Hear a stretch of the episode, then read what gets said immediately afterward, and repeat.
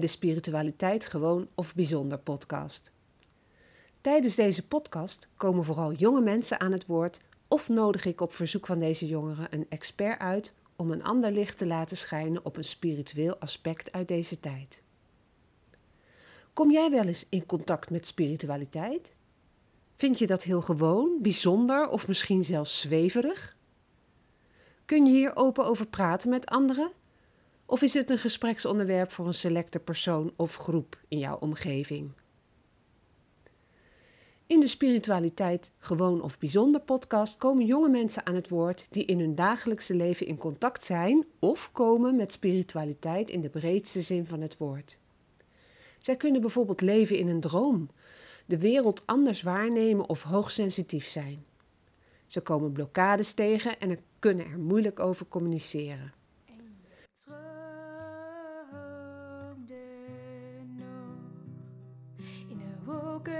Van dromen, daarboven in je hoofd kun je alles wat je wil nu zien zoals je hoopt. Knisperende bladeren, zwevend op de lucht en vliegensvrije vogels zijn nooit meer op de vlucht.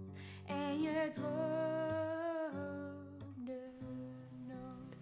Laten we kennis maken met Lotte Sanders Verstappen en luisteren naar het verhaal van de wereldreis die veranderde in een spiritueel pad. Hallo. De techniek staat voor niets. Hè? We gaan eh, vandaag eens in gesprek over jouw eh, reis, over jouw avonturen. En ehm, we hebben natuurlijk al even een voorgesprekje gehad, omdat ik zo nieuwsgierig was. En ehm, allereerst eh, wil ik je vragen om jezelf voor te stellen en misschien iets te vertellen over jouw tekening, die in het centrum van de mandala op de cover van deze podcast staat afgebeeld. Nou, hoi. Mijn naam is Lotte. Ehm, wat zal ik zeggen over mezelf? ja, ik ben net terug uit Wales. En daarvoor heb ik samen met mijn vriend, nou inmiddels man, een hele mooie wereldreis gemaakt die mijn leven heel erg heeft getransformeerd. Ehm, ik ben geboren in Limburg, het mooie plekje Limburg. En daar woon ik nu momenteel ook weer tijdelijk voordat we weer gaan. Ehm, de tekening die ik heb gekozen voor de omslagfoto of de cover.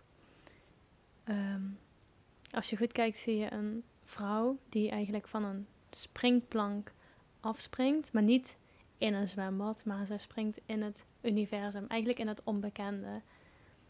In datgene wat ik altijd mysterieus en interessant vond. En daar creëert ze zeg maar haar hele eigen wereld in. Dus het is ook een beetje symbolisch naar mezelf toe. Ja, het lijkt me een symbool ook voor eh, de reis die je bent gaan maken. Je bent als het ware in, in dat universum, in dat diepe gesprongen, op weg naar avontuur. Ja. En wat was de reden waarom je wegging? Ik had eigenlijk al langer de droom, wat misschien vele jongeren ook hebben, om eigenlijk te gaan reizen na hun studie. Maar ik ben daarna gewoon volop gaan werken, want ik had zoiets van, oh, ik heb echt geld nodig, want zoveel geld had ik niet. Dus ik ben eigenlijk in het onderwijs gaan lesgeven, best wel een lange tijd. En op een gegeven moment, het, het resoneerde niet meer met me, het klikte gewoon niet meer met me. Ik werd echt een beetje ongelukkig ervan, want ik voelde niet echt dat ik... Het, het onderwijssysteem hield mij een beetje tegen, waarin ik zeg maar intuïtief in mijn kracht sta, moest ik me vasthouden aan bepaalde regels. En dat werkte zo echt tegen dat ik gewoon niet meer kon werken, dat ik me ziek ging melden, dat ik gewoon niet uitgerust raakte, dat ik thuis kwam en dat ik gewoon echt alleen maar kon huilen, dat ik geen puff meer had om echt naar de winkel te gaan en boodschappen te gaan halen voor mezelf, zeg maar om te eten. En ehm, toen had ik ehm, gebeld met een vriend van mij toen der tijd. Maar ik vond hem al heel lang leuk. Dus toen heb ik eigenlijk, om in een heel kort gezegd, om een heel lang verhaal heel kort te maken, heb ik eh, de liefde aan hem verklaard. Dat ik echt iets voor hem voelde. En toen hebben we dus een ticket geboekt om te gaan reizen. En we hadden allebei zoiets van, we zien wel hoe het loopt. Mocht het ons, want hij was al een jaar gaan reizen. Mocht het goed klikken, dan kunnen we samen reizen. Klikt het niet, dan zouden onze wegen splitsen en dan zou ik gewoon mijn eigen reis gaan maken. Maar ja, dat klikte heel goed en ik had nooit verwacht dat ik zo lang zou gaan reizen. Want het idee was om een half jaar weg te gaan. Maar uiteindelijk is dat bijna twee jaar geweest. Toen eventjes naar huis geweest en toen weer een half jaar weg. Mhm. En, en eh, ja, er zijn heel veel jongeren die willen, eh, nadat ze een diploma hebben gehaald, willen ze eh, eerst gaan reizen. Mhm. dat hoor ik heel vaak als docent binnen het MBO. Mhm. En ehm, ja, als ze, als ze dan uiteindelijk geslaagd zijn diploma hebben, dan doen de meesten het toch niet. Heb je een idee waarom dat zou zijn? Of zijn er zaken die jou hebben tegengehouden? Want jij wilde dit ook al erg lang. Voor mij was het voornamelijk geld dat ik dacht, oh, ik moet echt wel wat van geld hebben, wil ik rond kunnen komen. Maar dat ligt ook er maar net aan hoe je gaat reizen. Als je intentie is om te gaan reizen als backpack zijnde, wat ik heb gedaan. En eigenlijk gewoon genoegen nemen met de kleine dingen. Niet het luxe leventje leiden, wat meer de toeristen doen. Dan kom je eigenlijk met met, ja, wat zal ik zeggen? Ik weet niet hoeveel ik eigenlijk kan zeggen qua geld. Maar dan kom je gewoon best wel gemakkelijk rond. En wij zijn best wel langzame reizigers geweest. Niet steeds, oh, we gaan hier met vliegtuig naartoe en dan boeken we weer een vlucht daar naartoe. We vlogen ergens naartoe en vanuit daar zijn we met de boot gegaan, met de bus, met de trein. En hebben we echt wel, zijn we langer op een plek geweest, ook om die plek te leren kennen.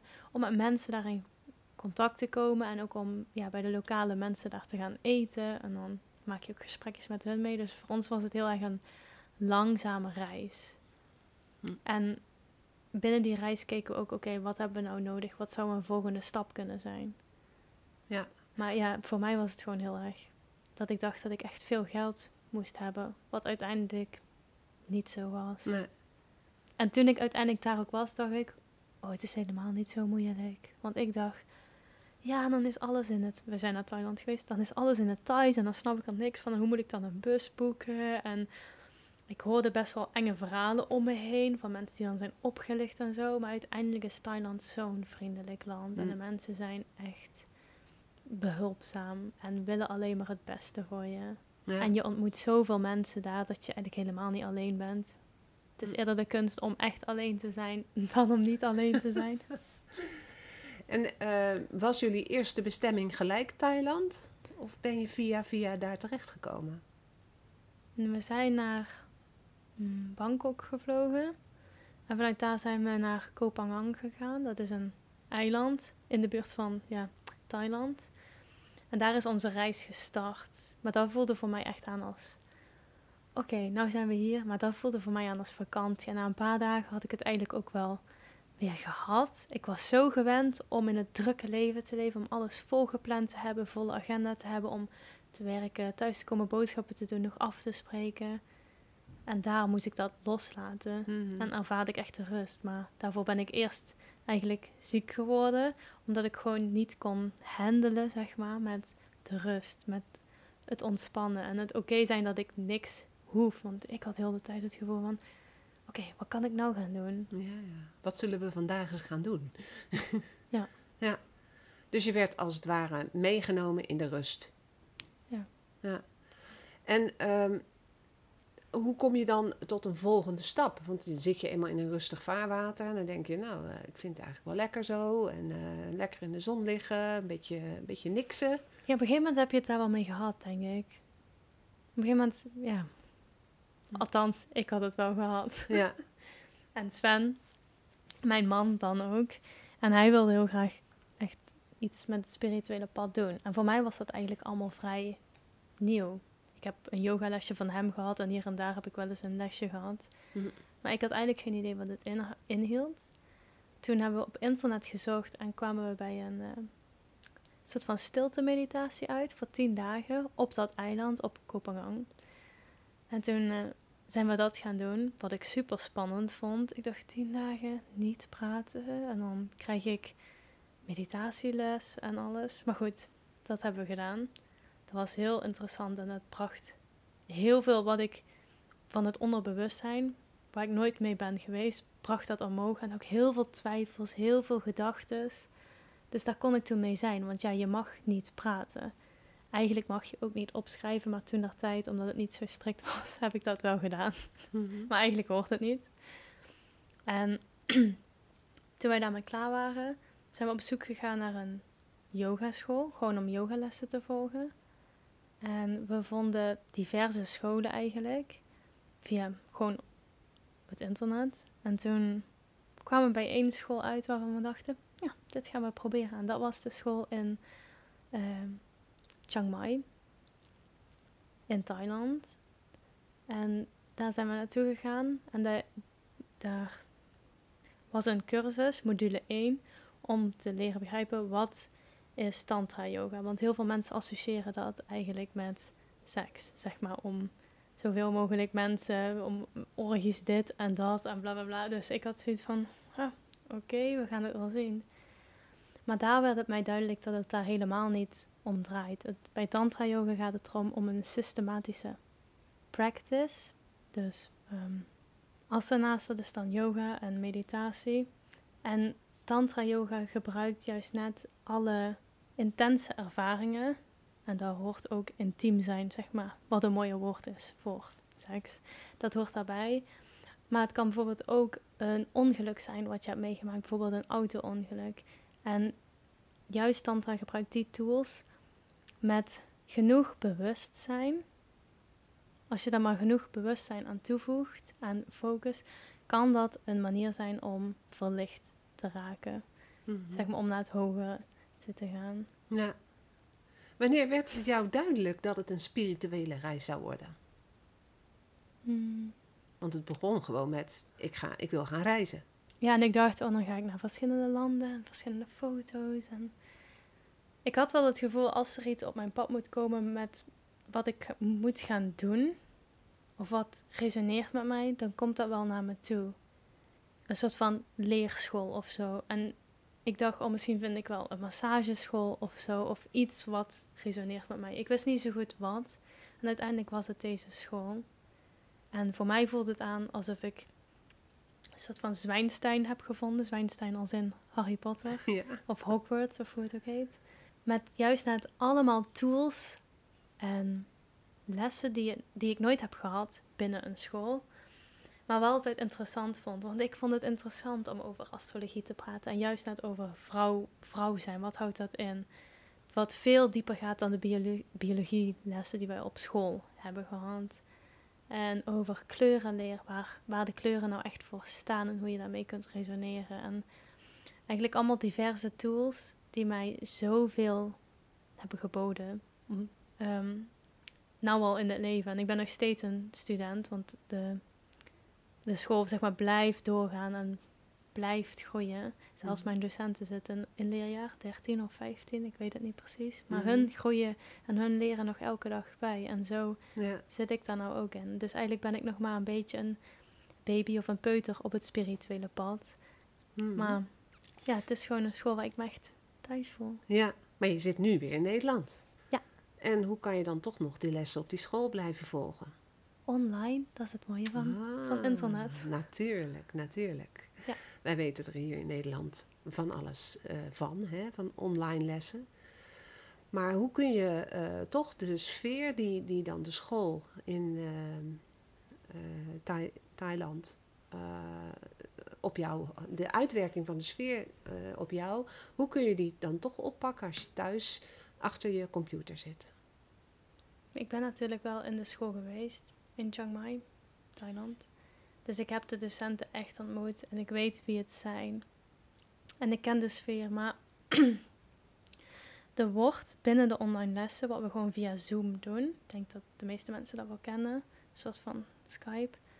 We connecten altijd op een dieper, zeg maar, subtiel level met elkaar. Dus voordat we beginnen, doen we met, met z'n allen een moment van centrering. Ik weet niet hoe ik het in het Nederlands zeg. Centering.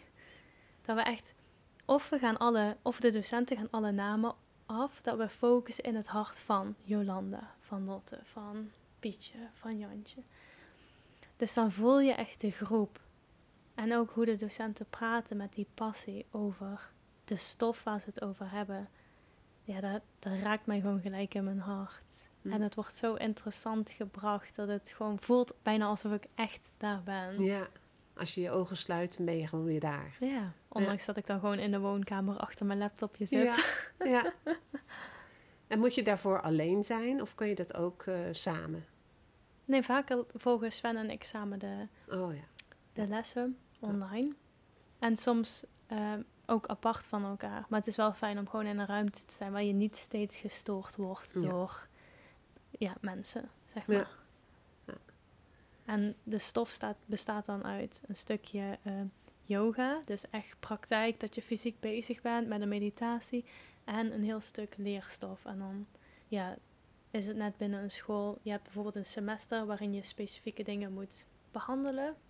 Mhm. Zo krijgen wij dat dan ook. Dus dan hebben we het bijvoorbeeld over een godin, dan hebben we het over kleur en dan hebben we het over een nieuwe yoga-positie. Ja. Dus dat is helemaal opgebouwd. Ja. En ja, Ja. ga je volgen dat?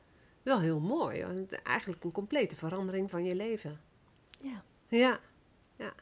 En nou, nou ben jij iemand die eh, heel kunstzinnig is. Ehm, je tekent prachtig. En ehm, ik vraag me af of dan de onderwerpen van de tekeningen of de manier van tekenen ook beïnvloed is door eh, jouw spirituele pad. Ja, ik kan wel zeggen van wel. Als ik nou een... Door meditaties, door de dingen die ik heb geleerd, als ik nou in een meditatie zit, heb ik soms af en toe dat het heel duidelijk is dat ik een beeld krijg of dat er iets naar mij toe komt wat ik moet vastleggen. Dat ik eigenlijk een soort van channel ben wat ik dan op papier moet zetten. En soms gebeurt er, zeg maar, dan ben ik aan het tekenen dat ik bijna gewoon versteld sta van, oh, heb ik dit nou gemaakt? Alsof het niet van mijzelf is. Hm. Wat jij misschien ook wel een beetje Ja, dat ken ik wel. Ja. Ja. En dan, dan heb je zo'n tekening en wat doe je daar dan mee vervolgens? dat ligt er echt aan. Ligt eraan hoe het, hoe het aanvoelt. Soms is het echt gewoon puur persoonlijk voor mij om dingen te verwerken. En soms voel ik dat het een boodschap is om iets binnen een makkelijke beeldtaal. Want ik probeer het eigenlijk zo gemakkelijk mogelijk te tekenen dat mensen het kunnen, dat mensen het begrijpen. En dan post ik het online Mhm. op Instagram, op Facebook. Ja. En dan schrijf ik daar een stukje bij. En dan probeer ik gewoon die boodschap over te brengen. En als mensen daarmee resoneren, dan. dan ja, soms krijg ik daar hele mooie, hele bijzondere opmerkingen over. En soms willen mensen ook dat ik iets voor hun kan betekenen. eh, iets persoonlijks. En ja, dat vind ik Ja. dan heel bijzonder. Want dan stem ik me af met die persoon. En dan probeer ik echt als een channel datgene op papier te zetten wat er nodig is voor die persoon. ja. Had je ooit gedacht dat je dat zou doen? Mm, misschien wel gehoopt. Ik weet niet zo goed wat ik. Echt toen ik heel jong was, ja, had ik gewoon wel die typische dingen die ik wilde worden. Ik wilde kapster worden. Ik wilde ook vroeger, toen ik heel klein was, in het circus. Hm? En ik wilde ook striptekenaar worden. Echt zo'n, hoe heet dat? Zo'n cosmic, zo'n Ja, soort Suske en Wiske. Ja. Ja, maar uiteindelijk, ik heb altijd wel een liefde gehad voor tekenen. Ja. En ja, dat doe ik nog steeds. Ja. Maar nou is het meer, meer geïntegreerd met het pad wat ik bewandel. Want jouw opleiding is ook eh, in het kunstzinnige, hè? Ja. Eh, tekendocent ben je geweest? Docent beeldende vorming, Oh, yes. Ja. In Tilburg. Ja. Ja, daar was een gedeelte, was praktijk, dus echt zelf je eigen stijl ontwikkelen en gewoon het uiten. En een ander gedeelte was echt gericht op het onderwijs. Ik heb ook in het onderwijs dan gewerkt. En daarbuiten ben ik wel altijd bezig geweest met mijn ja, eigen bedrijfje. Mhm. Ja, nou is het officieel, nou ben ik ingeschreven. Ja. Maar toen wilde ik gewoon ook iets voor mensen kunnen betekenen. Ja. En dat vond ik eigenlijk altijd het leukste om te doen. Om echt iets voor iemand te kunnen betekenen die er vraag naar had. In plaats van leerlingen een opdracht moeten meegeven die maar moet gedaan worden. Wat ze dan niet wilden doen. Ja. Ik probeerde wel altijd een stukje van mezelf. Binnen het onderwijs erin te brengen. Nou, eh, onderwijs is natuurlijk mooi, eh, mooi werk. Hè? Je werkt met, eh, met jongeren, met kinderen. Hoe, oud waren de kinderen? Die, voornamelijk heb ik met pubers gewerkt. Pubers. Pubers met gedragsproblemen. Ja, ja. Nou ja, dat is een hele belangrijke doelgroep. Mhm. Hè? Want die gedragsproblemen die hebben ze niet opgelopen bij hun geboorte. Die Nee. zijn ontstaan in de loop van ja, de ontwikkeling. Ja, die zijn gevormd. Ja. Ja, even kijken hoor. Je hebt dus je eigen passie, het tekenen. hè, en je spirituele pad waar je heel erg mee bezig bent. Je bent gaan reizen. En ehm, misschien nog even voor de luisteraars een leuk, een leuk verhaal uit je, uit je reis. Dat je zegt van nou, dit, dit zal me de rest van mijn leven bijblijven. Oh, dan ben ik even aan het denken, wat voor soort categorieën, wat voor soort verhaal. Ja, want je hebt natuurlijk zoveel verhalen. Heel veel verhalen. Misschien is het wel leuk om, om het... Hmm, ik heb twee opties in mijn hoofd. Of het stukje van, van tevoren een momentje nemen, zeg maar, om te connecten met het hogere. Dat zou kunnen. Nou, ik, we hebben natuurlijk even voorgesproken. En eh, wat op mij wel indruk maakte was, uh, het is gewoon echt in deze tijd. Je was uh, aan de andere kant van de wereld Ja. en je wilde naar Wales. En, eh, Nee, toen was ik weer terug in Nederland. oh, Oh, nee, ik, dat je, dat je Ja. zei van nou, over Ja. een week of zo gaan we naar Wales. En dat je ineens eh, na een paar dagen hoorde van, of voelde van, nee, we moeten nu gaan. ja, Nou, dat stukje, dat vond ik echt iets uit deze tijd. ja. We waren dus teruggekomen vanuit Australië na een hele hoop gedoe, want er was corona. Zijn we teruggekomen in Nederland. Zijn we in Nederland een half jaar geweest, hebben we gewerkt. Toen zijn we met mensen in aanraking gekomen, ook van onze school, die een soort van retraitecentrum wilden openen in Wales. En wij hadden zoiets van, misschien kunnen we hun wel helpen als karma yogis. Dus dat is een soort van vrijwillig- vrijwilligerswerk, om het zo maar even te zeggen. Dus we hebben die mensen aangesproken en dat klikte gewoon echt supergoed. Ook in overleg met onze yogadocent. Hij zei, ja, Lotte en Sven die kunnen dit wel aan. Het is goed als jullie met z'n veren daar samen zijn. Dus wij dachten, oké, en dan gaan we daar naartoe. Maar we hadden een tijdsbestek. En het duurde best wel een tijdje. En ik had nog, we zouden nog een week hebben. En ik had heel die week volgepland met allemaal dingen die ik nog wilde doen. Maar op een gegeven moment zaten we op de bank. En door al die nieuwsberichten en zo die we hadden gelezen over de lockdowns en alles, voelde het opeens aan, we moeten eerder gaan. En ik weet niet meer welke dag het precies was. En ik zei, nou, we moeten echt op die dinsdag gaan. Dat moet. Dus toen hebben binnen die drie dagen heb ik echt alles binnen die drie dagen gepropt. Het was gewoon echt doorgaan, doorknallen. Elke ochtend vroeg opstaan tot elke avond. En toen zijn we die dag vertrokken ehm, naar Wales toe. En het was heel bijzonder, want we kwamen aan bij de douane. En eh, daar werden we gestopt natuurlijk. En werd gevraagd van, eh, ja, waarom eh, komen jullie naar Engeland toe?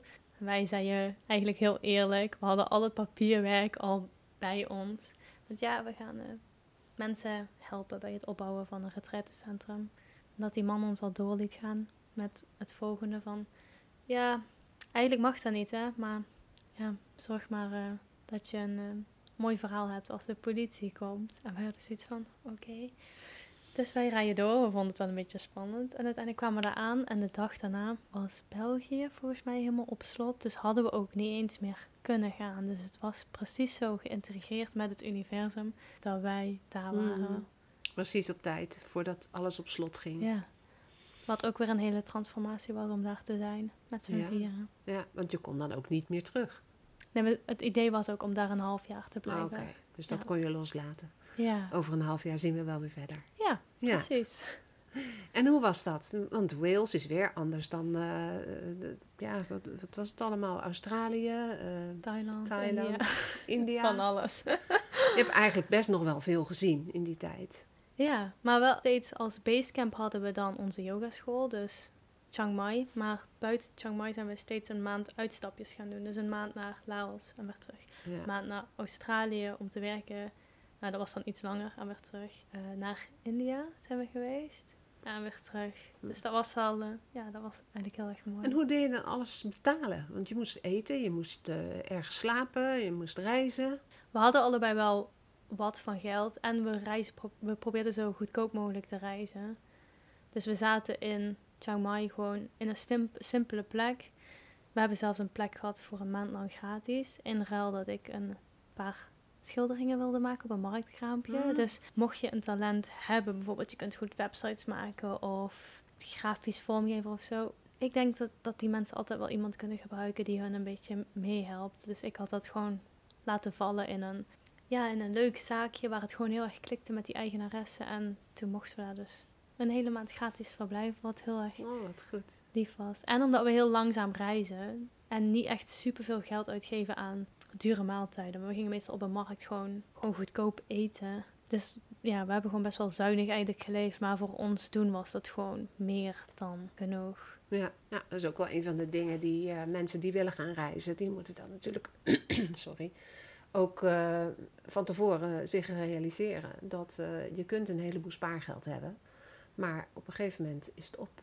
Ja, En, ja wij zijn ook in Australië gaan werken. Mhm. Sven was er al eens geweest, dus dat was het voordeel. Dat we bij die bedrijven in de graanoogst zijn we gaan werken. En bij de amandel, amandelfarm. Wat is amandel? Ja, amandelen. Ja, Almonds is het trouwens in het Engels. Ja.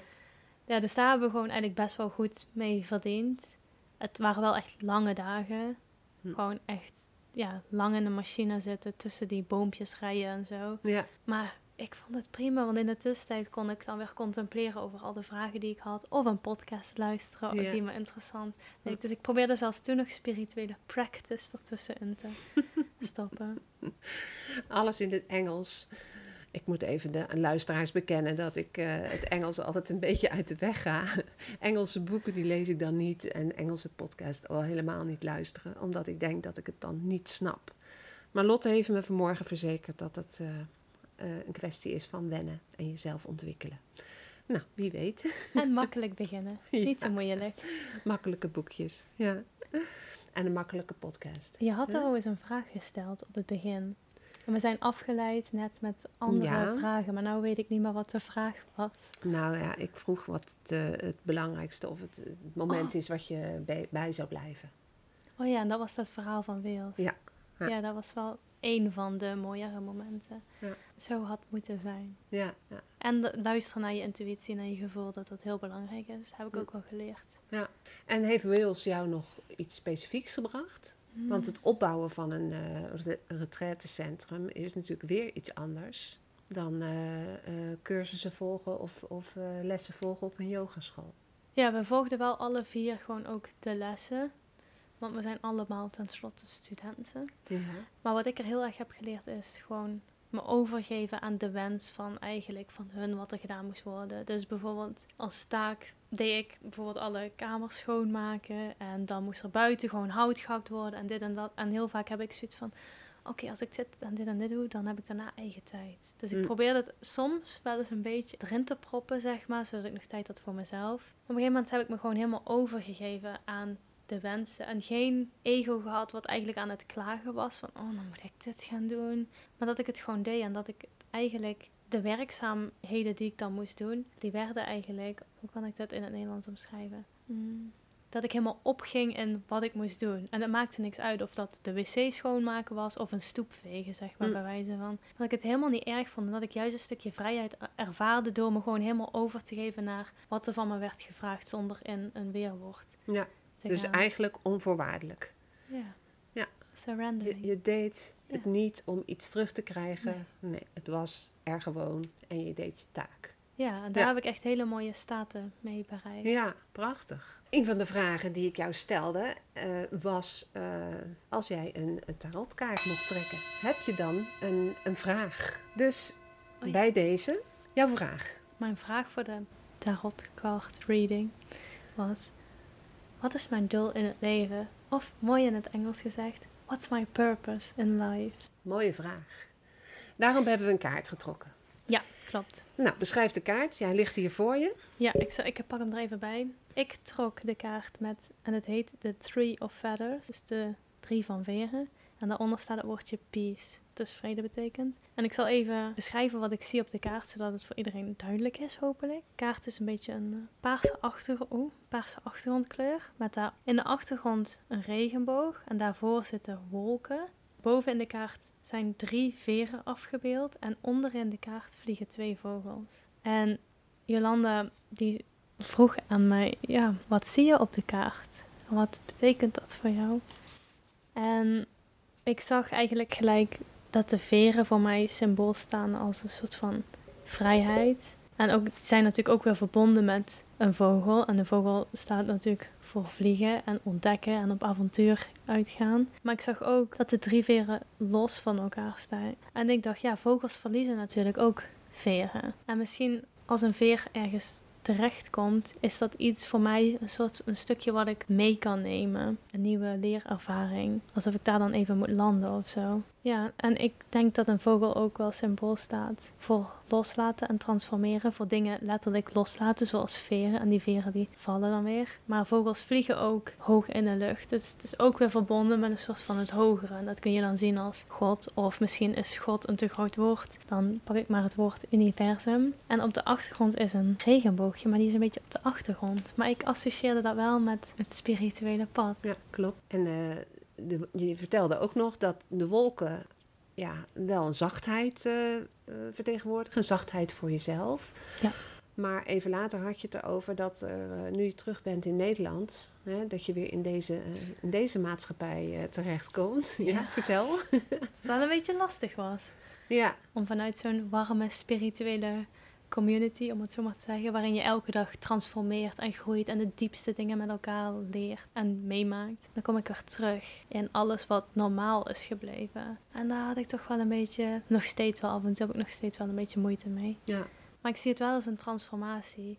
Want ik voeg er gewoon een snufje bewustzijn aan toe zodat ik weet, oké, ik heb moeite nou om mijn yoga te doen, maar ik weet het. Dus ik ben lief voor mezelf. Maar ik heb het een tijdje iets minder gedaan. Dat zal ik eerlijk want ik wil niet gaan liggen. Maar nu ben ik het weer een beetje de draad op aan het pakken. En juist om erover te praten met mensen helpt mij ook. Ja. Heel erg. En wat is er nou zo bijzonder aan yoga? Ja, mij helpt het gewoon echt om te transformeren. Er zijn bepaalde energieën die vastzitten in ons lichaam, waar we ons niet eens echt bewust van zijn. Maar juist door middel van yoga en meditatie kun je daar het beste uit halen. Bijvoorbeeld toen ik op het begin ging reizen, had ik best wel moeite met geld. Dat ik alles aan het opschrijven was. Dat deden wij samen. Met wat we uitgaven. Maar dat maakte me echt een beetje paranoia eigenlijk in mijn hoofd. Dat ik zo gefocust was op geld.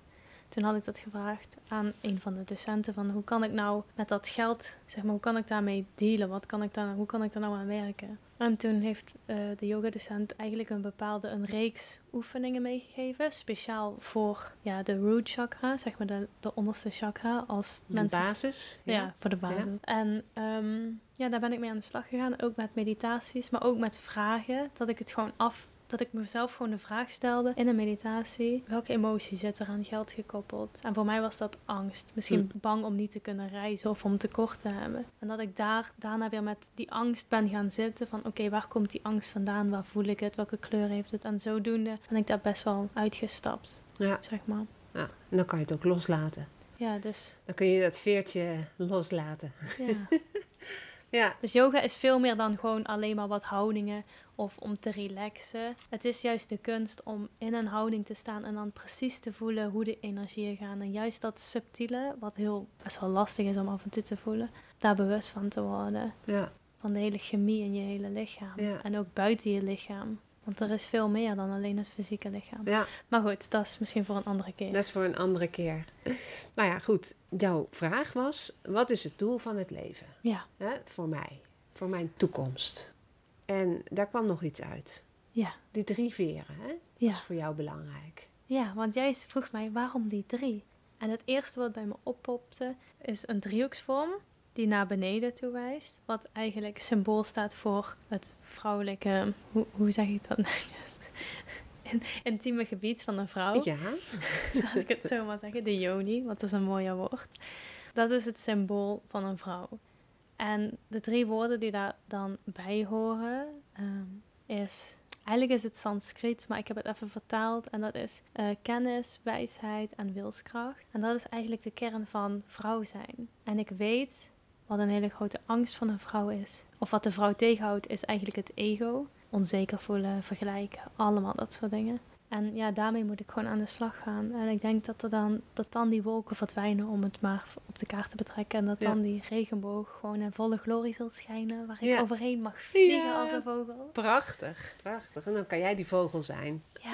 Ja, en dan komt dan pas de vrede die op de kaart staat, of is die vrede er al? Nee, de vrede is er al. Ja, dat eh, is eigenlijk een overbodige vraag, want als ik naar jou kijk, dan zie ik dat wel. Nee, ik Maar- heb wel geleerd dat alle moeilijke dingen die er komen op mijn pad, zijn er juist om te transformeren, om het aan te gaan. Hm. Om er onderzoek naar te doen. En niet om mijn hoofd in het zand te steken en er niet naar te kijken, want dat heeft geen zin. Dan komt het later net zo hard terug. Ja, klopt. Het zijn dan de lessen. Als je ze niet leert, de lessen, komen ze weer terug. Ja. Ja. Hey, en ehm, nou ja, we hebben het al over je toekomst gehad, want dat was je vraag. Maar zie je je toekomst hier in Nederland? Of zie je nog meer reizen in het verschiet? Ja, voor nu zijn we toch wel aan het kijken om nog naar een school te gaan. Onze school is een federatie en heeft meerdere scholen binnen de wereld. En er is ook een school in Berlijn en in Denemarken. Dus we zijn eigenlijk een beetje onderzoek aan het doen of we misschien niet naar zo'n school kunnen gaan. Want dat is toch ook iets dichterbij in Nederland. Plus, nou ja, die corona maakt het gewoon best wel moeilijk Hm. om naar sommige landen te gaan. Want ja, bij Thailand, het is gewoon heel moeilijk om nou naar Thailand te gaan. Hm. Terwijl ik ook wel heel graag mijn docenten wil zien, maar Ja. ja, dat, dat komt wel op ons pad. Maar ik laat het nu eventjes los, want ik weet het nou zelf ook niet precies. En ik weet dat er gewoon een moment komt dat het komt. Ja. En dan is het goed. Dus voorlopig zijn we nog een paar maanden in Nederland. In Nederland. En Ja. dan werk je. Nee, ik probeer me nou vooral te focussen op Create a Lot. Ik heb daar wat opdrachtjes mee. En ik Mhm. probeer echt een website voor elkaar te krijgen. En dat soort dingen om daar, eh, daar eigenlijk aan te werken. Ja. Create a Lot is jouw bedrijf. Ja. Ja. Mooie naam. Ja. Ja. Hoe ben je daarop gekomen? Even een zijspoor. Nou, eigenlijk via de moeder van mijn ex-vriend. Mm. Zij bracht het opeens op en toen dacht ik, oh, dat is eigenlijk heel mooi. Create a lot, want mijn naam zit daarin. Lot van Lotte. Maar het staat ook voor maak heel veel, want ik kan niet echt een keuze maken of ik het alleen hou bij tekeningen. Want vaak is het gewoon heel divers, wat ik allemaal leuk vind om te doen. Hm. Dus ik vond het wel een mooie, toepasselijke naam. Ja. En bij alle kwaliteiten en talenten die je hebt, is het natuurlijk altijd moeilijk om te kiezen welk talent dan eventjes eh, gezien mag worden. Mhm. Ehm, we zijn bijna aan het eind van de podcast. Ehm, zijn er nog tips die jij jongeren kan geven, mee wil geven, als zij er zelf over denken om te gaan eh, reizen? Doen. Doen. en begon zij helemaal te stralen. Doen. In het heel kort gezegd, ja. Ja. Ik dacht dus dat je veel geld moest hebben. Nou, daar valt wel mee, want het ligt er echt aan hoe luxe je wil gaan reizen. Wees niet bang dat je... Ja, ik hoorde best wel enge verhalen eigenlijk. Voornamelijk in India hoorde ik dat. Maar als je daar bang voor bent, dan zou ik zeggen... Vertrek eerst naar een veilig land. En nou ja, veilig land wat gewoon goed aanvoelt voor jou. En laat je niet te veel beïnvloeden door wat anderen precies zeggen. Want het is gewoon jouw eigen ontdekking. En als je daar eenmaal bent, dan zul je precies weten en voelen wat je graag wil. Misschien denk je, oh ja, dan ga ik daar gewoon op het strand niks doen. Nou, daar ben ik ook mee begonnen. Hm. En uiteindelijk voelde ik wel aan dat ik ook wel iets wilde gaan leren. En dan zijn er zoveel mogelijkheden. En dan ontmoet je daar mensen. En dan openen zich zoveel deur, deuren eigenlijk. En het is gewoon echt een verrijking die Ja. niemand van je af kan nemen. En dan is het aan jou om de keuze te maken voor de volgende stap op je weg. Ja. En dat spirituele pad. Ja. En als het niks is, je hebt altijd de keuze om weer terug te komen. Je hebt altijd je huis waar je, of je thuis waar je naar terug kan gaan. Ja. Oh, dat was ook nog een leuke in ons vorige gesprek. Ja, ik heb nog een vraag. Ja. Wat ik eigenlijk gewoon wil vragen. Waarop mensen, waarop jullie als luisteraars mogen contempleren. Wat, wat betekent thuis voor jou? Dat is een hele mooie vraag. Ja. Kunnen we jou uitnodigen om nog een keertje terug te komen voor een eh, nieuwe podcast met verhalen? Waarin we dit, eh, deze vraag van thuis, wat is thuis voor jou, Mhm. gaan eh, bijvoorbeeld met luisteraars eh, kunnen gaan bespreken. Ja, dat is een mooi idee. Mooie uitdaging ook. Lijkt me heel leuk. Dan gaan we het hierbij afsluiten. Nou, dank je wel voor je openhartige gesprek. Ik vond het boeiend. Ik hing aan je lippen. en ehm, nou, tot een volgende keer. Ja. Luisteraars, bedankt voor het luisteren. En nou ja, weet het even niet meer. Tot de volgende keer. Heb je nou zelf een verhaal wat je wilt delen? Dan nodig ik je uit om een mail te sturen naar jolandahelverstein.gmail.com En dan is Helverstein met E lange ei. Ook kun je voor verdere informatie een bezoek brengen aan mijn website jolandahelverstein.com. Graag tot een volgende keer. Sluit je ogen maar, toen ze zachtjes toe en droomde dan maar zacht de boze dingen uit jou.